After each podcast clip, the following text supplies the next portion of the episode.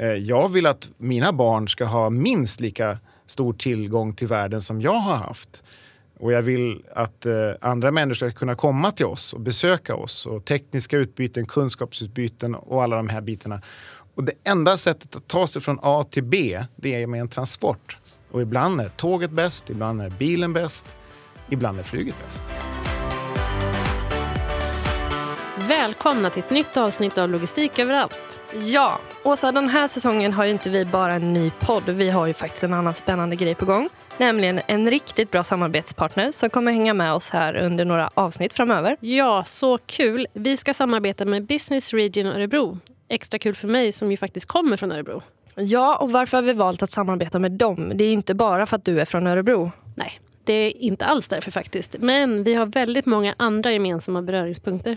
Ja, vi vill ju med den här podden lyfta logistikens roll och göra logistik intressant, inspirerande och lättillgängligt. Och det är viktigt för oss att jobba med aktörer som vill samma sak och där har vi ju verkligen hittat rätt med Business Region Örebro. Örebroregionen är ju en väldigt innovativ och modern region och framtidsfrågor och hållbarhet är viktigt för dem, precis som det är för oss. Ja, och de har ju också ett jättespännande läge. I år kom de tre på Intelligent Logistiks lista över Sveriges 25 bästa logistiklägen 2020. Och det är kul. Men framför allt tog de hem årets kompetenslyft för sin satsning på ett nytt forskningscenter för hållbar logistik vid Örebro universitet, Center for Sustainable Business. Coolt. Och bra läge, tillgång till alla transportslag och forskning är i framkant. Och så vill de jobba med oss, vilket vi är superstolta över. Verkligen. Så det här avsnittet är i samarbete med BRO och idag ska vi prata mer om flyget. Hur hållbart är flyget? Måste vi sluta flyga för att nästa generation ska överleva? Och vad borde alla veta om framtidens flyg? Frågorna är många om flyget och idag ska vi få svar av ett riktigt proffs. Med oss i studion har vi en person som gillar framtiden och vill att den ska komma snart. Dagens gäst heter Fredrik Kempfe och jobbar som branschchef för flyg på Transportföretagen. Han har en lång bakgrund inom flygbranschen och har arbetat både nationellt och inom EU. Varmt välkommen till Logistik överallt, Fredrik. Tack så mycket. Kul att ha dig här. För någon som inte känner dig, hur brukar du beskriva dig själv? Som en jurist som hamnade fel. Därför att eh, jag är jurist men eh, har på eh, egentligen mitt intresse då av flyg hamnat eh, i väldigt intressanta diskussioner och yrken eller jobb eh, i flygbranschen. Mm. Och eh, jag är dessutom pilot, eh, fast bara för små flygplan. Men det här gör ju också att, att jag inte bara jobbar för branschen utan faktiskt också flyger branschen. kan man säga. Har tillbringat ganska många år utomlands, senast nu i Tyskland där jag jobbade för Europas flygsäkerhetsmyndighet, EASA som den heter. Och nu är jag tillbaka i Sverige och gör mitt bästa för att eh, hjälpa flygbranschen att lösa sina problem och gå mot framtiden. Det låter som att du faktiskt har hamnat ganska rätt. Kanske. Ja, kanske. Men du är ju eh, branschchef för flyget på Transportföretagen. Ja. Vad innebär den rollen? Det innebär att jag företräder eh, våra medlemmars eh, intressen i olika situationer. Eh, det kan vara allt ifrån en remiss som eh, Transportstyrelsen skickar ut till eh, precis nu att vi sitter och diskuterar hur vi i coronakrisens fotspår ska kunna hjälpa flygbranschen att ja, dämpa effekten helt enkelt och när krisen är över få en så snabb som möjligt återhämtning. Ja, flygbranschen är en fascinerande bransch men det känns som att mm, kanske vet lite lite om den. Eh, hur har det kommersiella flyget utvecklats? Väldigt eh, ja, bra, mm. får man väl säga. Det är, det är ju faktiskt en framgångsbransch, en succébransch som, eh, har, som dessutom växer eh, hela tiden. Och eh, eh, tittar man på tekniken och flygsäkerheten som ju faktiskt har varit mitt huvudområde genom åren Eh, så har vi ju nått extremt långt tack vare, skulle jag vilja säga, globala samarbeten. Flyget eh, är ett väldigt samarbetsvänligt område, även om man kan ha olika uppfattningar. Men som jag brukar säga, flygsäkerhet, det politiserar man inte. Eh, utan det, det gör man och uppnår. Med, med, vissa marginaler så är det faktiskt så. Jag skulle också säga att det är en bransch som har följt världens utveckling och kanske på ett sätt lett världens utveckling mot den internationella värld som vi lever i idag. Eh, ett exempel det är bara det att vi tittar på hur många i Sverige som är utlandssvenska som har familjer i andra länder. Den här typen av samhälle som vi lever i idag hade ju varit väldigt svårt utan flyget. Vad betyder flyget i Sverige idag? Det står för en väldigt stor del av eh, vårt eh, eh BNP. Mm. Eh, det är väldigt många arbetstillfällen, över 190 000 tror jag, som som beror på något sätt av flyget, alltså direkt eller indirekt. Då räknar man inte med kanske de andra effekterna eh, som finns runt flyget. Ett litet land som Sverige som ligger eh, utkanten på Europa, lite sådär i en avkrok kan man säga. Mm. Även om jag tycker inte det, jag tycker det är ett fantastiskt läge. Men för att nå eh, andra delar av världen och ekonomiska centra eh, så behöver man flyget. Och eh, vi har ett land som är väldigt långt, vidsträckt eh, med en ganska gles befolkning. Och då är ju faktiskt flyget som kräver ganska lite infrastruktur eh, på marken och i luften ett otroligt effektivt sätt att färdas på. Mm. Hur mycket flyger vi svenskar? vi flyger mycket i förhållande till vår befolkning. Mm. Det har vi hört tror jag, ganska ofta. Och En del säger att vi flyger liksom för mycket. Men då får man också tänka på det som jag precis sa, att vårt geografiska läge i, i världen, eh, våra, ekonomiska, eh, våra ekonomiska möjligheter att röra oss, våra ekonomiska intressen. Vi är ju ett extremt exportberoende land och, och exportera till andra länder, det tror jag man måste, man måste träffas för att eh, få de affärerna och tekniska utvecklingen i hamn. Sen har vi ju väldigt stora utbyten, både socialt men industriellt med andra nationer som kommer till oss och jobbar. Hur mycket gods transporteras idag då? Alltså gods på flyg, det är ju ett intressant eh, tema. Mm. Eh, därför att eh, det man brukar säga är att det är inga jättestora volymer, men värdena på godset mm. är väldigt stort. Flyget eh, har ju den förmågan att, att transportera högvärdegods eh, eller väldigt eh, så att säga, ömtåligt eller vad säger man som har kort levnadstid på ett snabbt sätt. Och det betyder att det är också transporter av gods som kanske inte går på något annat sätt.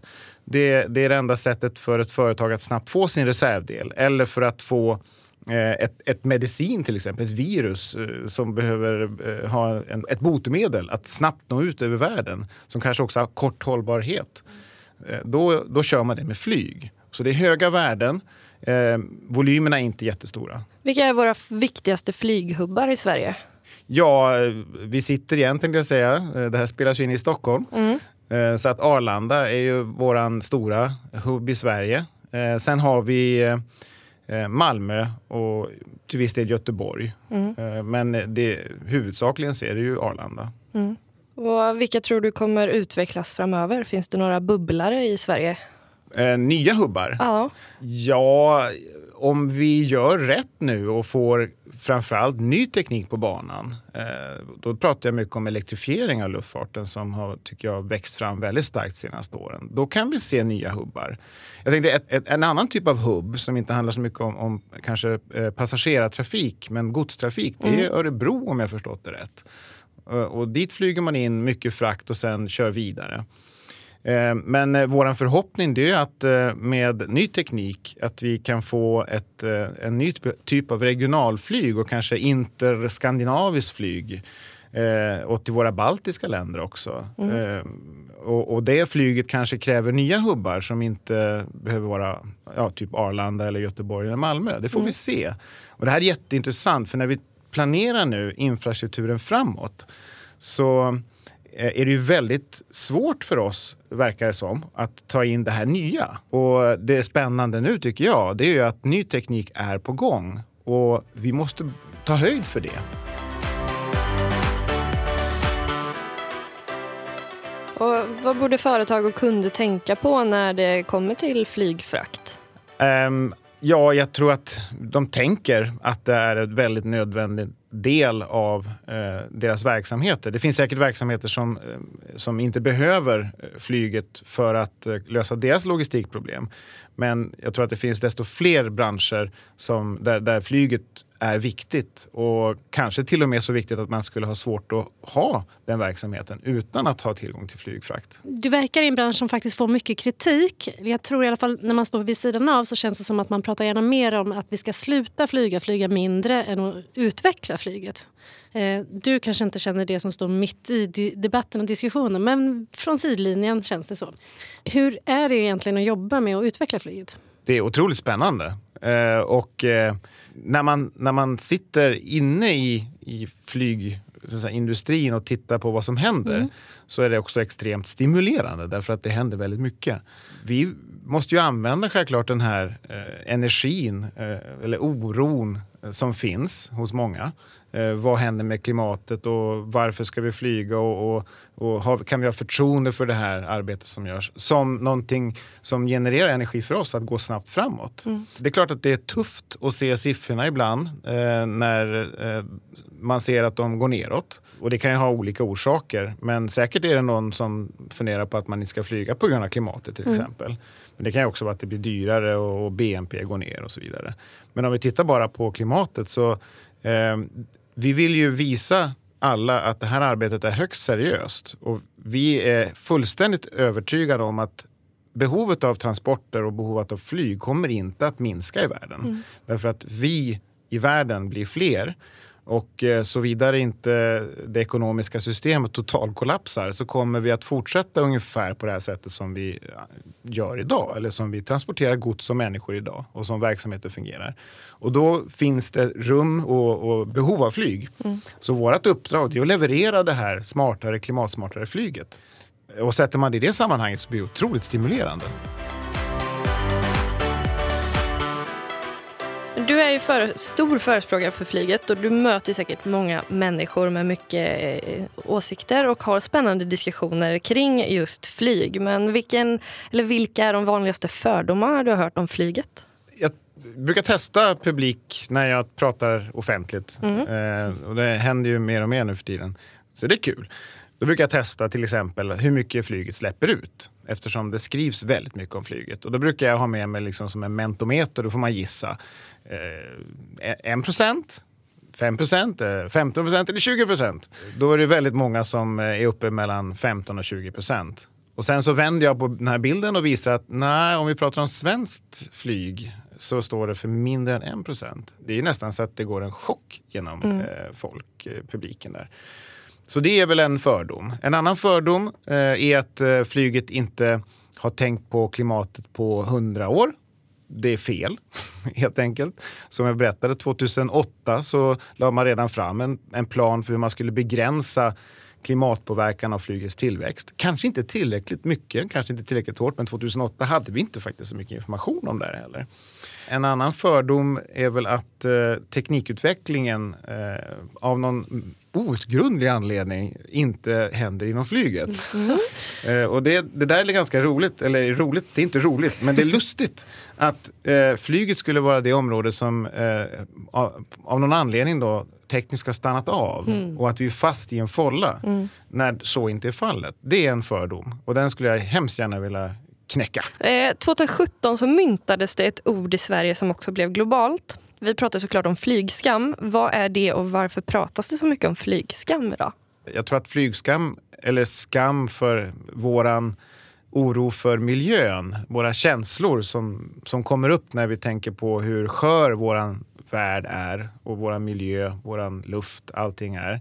Då får vi eh, en, en klar markerad känsla, många av oss, att vi måste göra mer. Vi måste jobba mer aktivt, vi måste se över våra vanor, hur vi gör saker, eh, tekniken vi använder och alla de här bitarna.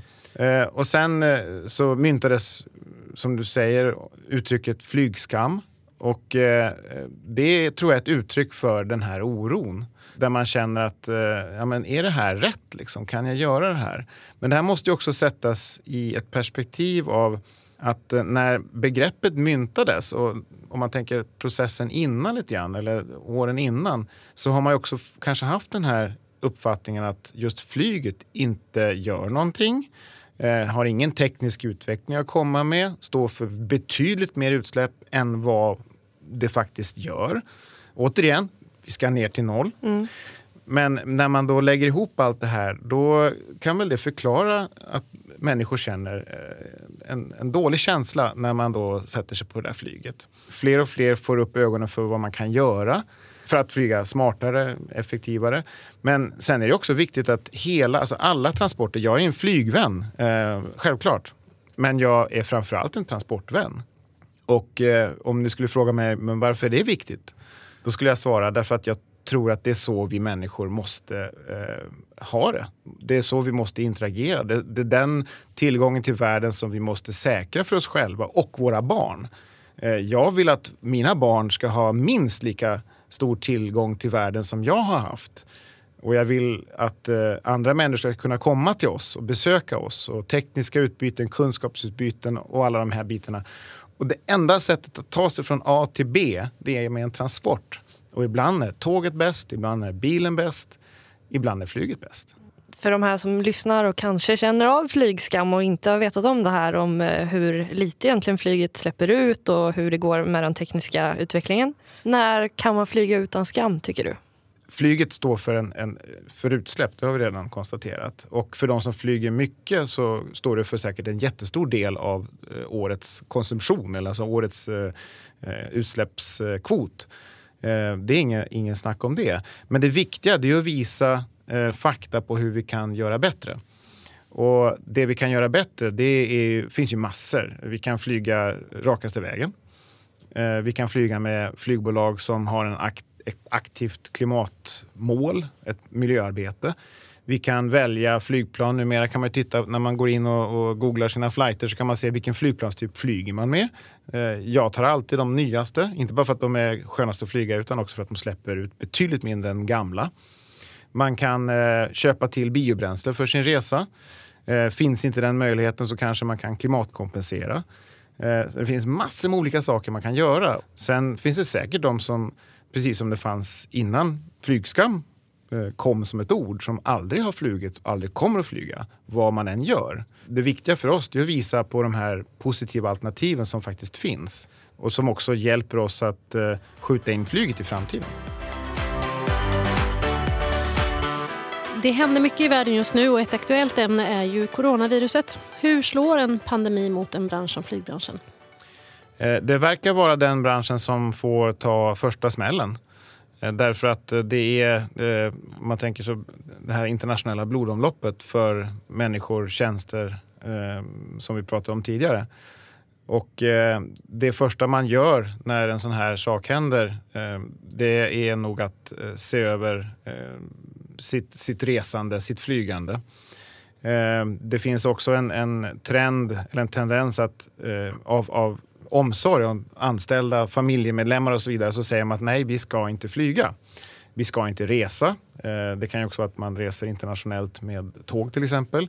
Men många bolag nu har, har totalt travel ban på utlandsresor. Och eh, när det blir så så är det klart att flyget tar ju smällen direkt. Så att en situation som coronaviruset eh, Första offret kan man väl säga som börjar blöda först det är nog flygbranschen och andra eh, transportbranscher där, där människor färdas framför allt. Mm. Eh, vi ser också inom bussbranschen till exempel. Internationell busstrafik till Alperna är jättepåverkad just nu. Vilka globala trender ser du framöver och hur kommer de påverka framtidens flyg? Ja, alltså trender, utvecklingen i världen, eh, att, att vi blir fler, fler får det bättre, gör ju att vi kommer att resa mer. Vi kommer också att flyga mer. Eh, så tittar man på övriga trender så är vi också att, att vi, vi reser ju ganska mycket i vår generation. Nu är jag kanske lite äldre, men, men eh, jag vet inte, men jag tror det. Ska vi köra någon gång? Alla säger ja, men Jag är ju lastgammal. Nej, men, eh, och jag, jag har ju vuxit upp i, i, en, eh, i en värld där resandet blev, har liksom tagit fart mer och mer. Men eh, när jag växte upp och var liten så var det inte så mycket resa. Men nu för tiden, så mina barn till exempel, de är mycket mer vana med att resa. Deras barn blir ju sannolikt också, alltså det, det går ju åt det hållet med tanke på att, att vi, vi vill vara eh, på andra ställen än där vi alltid är. Och med ekonomiska möjligheterna så kommer det nog gå, gå, gå åt det hållet. Den trenden att vi faktiskt eh, ser världen som ett ställe att umgås och upptäcka Eh, det finns ju extremt positiva värden med det och den, den trenden tror jag inte kommer att eh, upphöra på något sätt. När, kom, när kommer elflygplanen då? De finns redan, fast mm. de är små. Har du flugit elflygplan? Ja, jag har ju Vad det. kul! det? Ja. Berätta. ja, det var en fantastisk upplevelse. Jag har ju flugit ganska länge men med, med den gamla tekniken. Många säger att det är den här Tesla-känslan. Liksom, att plötsligt så är det tyst. Och man vet att man inte släpper ut någonting. Man vet att man inte bullrar neråt i det här fallet. Och eh, det är en, en framdrivning som är mycket, mycket effektivare eh, i, i, alltså i kraftöverföring än en eh, bensinmotor. Så att eh, jag var lyrisk och är det fortfarande två år senare. Jag ser ju att det här är nödvändigt en del av flygets framtid. Eh, sen om det kommer att ersätta allt flyg, det vet ju inte jag. Eh, men eh, jag tror att vi gör fel om vi inte satsar på elflygets fördelar. Hur många personer kan sitta där? Eh, det som jag flög, det är två personer och det är väl där som, som tillverkarna är just nu. Men man tittar på fyra personer som det här vanliga lilla eh, flygplanet som jag brukar flyga. Det kommer säkert också ha elektrifierat eh, snart. Eh, men det större flyget, det är på gång. Det vi ser framför oss nu, och det är väl e-, det som projektet som ligger mest längst fram, det är här i Sverige faktiskt, ett företag nere i Göteborg, Heart Aerospace, som har planerna då på att bygga ett 19 passagerarsflygplan. flygplan och det ska vara certifierat och färdigt 2025. Det är snart. Det är väldigt snart. Och eh, eh, många frågar mig, ja, men, eh, 2025, hinner man liksom? Och jag bru- brukar säga det att det beror på eh, hur mycket vi satsar på det. Och eh, vad jag förstår med det flygplanet så bygger inte det på några eh, så här s- stora nya tekniska landvinningar utan man kan bygga det på hyfsat befintlig teknik och batterikapacitet. Och eh, om vi eh, har det framför oss då så att det första skottet för 19 passagerare är ungefär 40 mil, kanske 2025. 26. Sen så finns det planer, eh, Airbus brukar säga 100-100 2030. 100 passagerare, 100 mil 2030. Men en hybridlösning då. Eh, sen så bubblar det upp nya idéer hela tiden. EasyJet jobbar med någonting som ska kunna åka eh, utan problem med drygt 100 personer eh, mellan Paris och London. Det är väl den sträckan som de tittar på. Eh, och så småningom så kommer vi se elektrifieringen eh, smygas in på andra sätt också. Och jag vet att eh, motortillverkare som Rolls-Royce eh, tittar på delvis elektrifiering. Eh, så att de ser kanske möjlighet att till och med elektrifiera delar av så säga, kraftöverföringsprocessen i stora flygmotorer för stora flygplan som flyger mycket längre. Då blir det inte en hel elektrifiering men en del elektrifiering som sänker bränsleförbrukningen väsentligt. Det här känns ju som att det var helt otänkbart för några år sedan att det ens skulle kunna finnas på kartan. I alla fall om man inte jobbar i flygbranschen. Och samtidigt så måste vi då titta på hela flygsystemet. Så att eh, elektrifieringen kommer ju inte i början att göra något stort intryck. Men eh, om vi inte satsar på den nu, då har vi ju inte de fördelarna om 10, 15, 20 år. När det gäller just eh, hållbarhet och digitalisering och ny teknik i fokus, finns det något land i världen att inspireras av? Ja, Sverige. Bra! Coolt! Coolt ja. Nej, men jag tror att vi, vi, eh, vi eh, har både kapaciteten, kompetensen och drivkraften att ligga väldigt långt framme. Det gör vi nu. Eh, det, vi har alltifrån eh, digitaliserade torn, eh, remote towers eller fjärrstyrda torn. Vi har en elflygsutveckling. Vi har industrin som för det och råvaran för det för biobränsle. Så att vi är nog en, en, en nation som många tittar på. Men den här pos positionen då som vi självklart ska använda, den är ju inte självklar. Och framförallt över tid så kommer den att klinga av. För att andra ser ju möjligheterna också.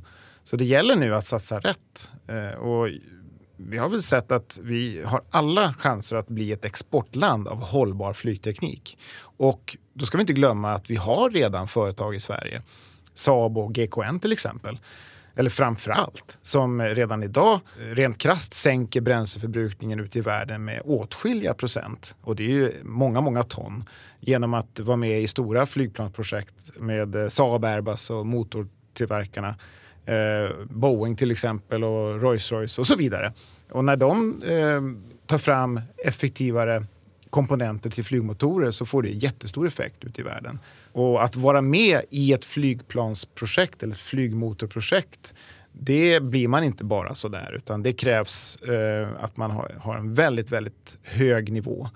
Och det är våra företag här i Sverige. Vad hoppas du blir verklighet för framtidens flyg? Ehm, jag hoppas att våra barn har tillgång till världen. Och eh, i det så ingår det att ha tillgång till transport. Flyget har en, en jätteviktig uppgift för eh, världens ekonomi och för oss själva att fylla, precis som andra transporter. Och eh, om, eh, jag vet inte, vågar inte säga exakt när, men runt 20, mellan 2030 och 40 så kommer den tekniken som vi tar fram nu fylla våra skyar. Det låter underbart. Det var faktiskt allt för idag. Eh, stort tack till dig Fredrik för att du ville dela med dig av din kunskap, utmana våra fördomar, kanske andras fördomar om flyg och såklart att du ville gästa Logistik överallt. Tack så hemskt mycket. Jag tycker det var jätteroligt att vara med er. Vi vill också säga tack till Clarion Sign för att vi fick låna er fina studio här idag och såklart tack till alla er som har lyssnat. Vi hörs om två veckor igen och glöm inte att kolla in oss på Instagram, logistiköverallt utan prickar.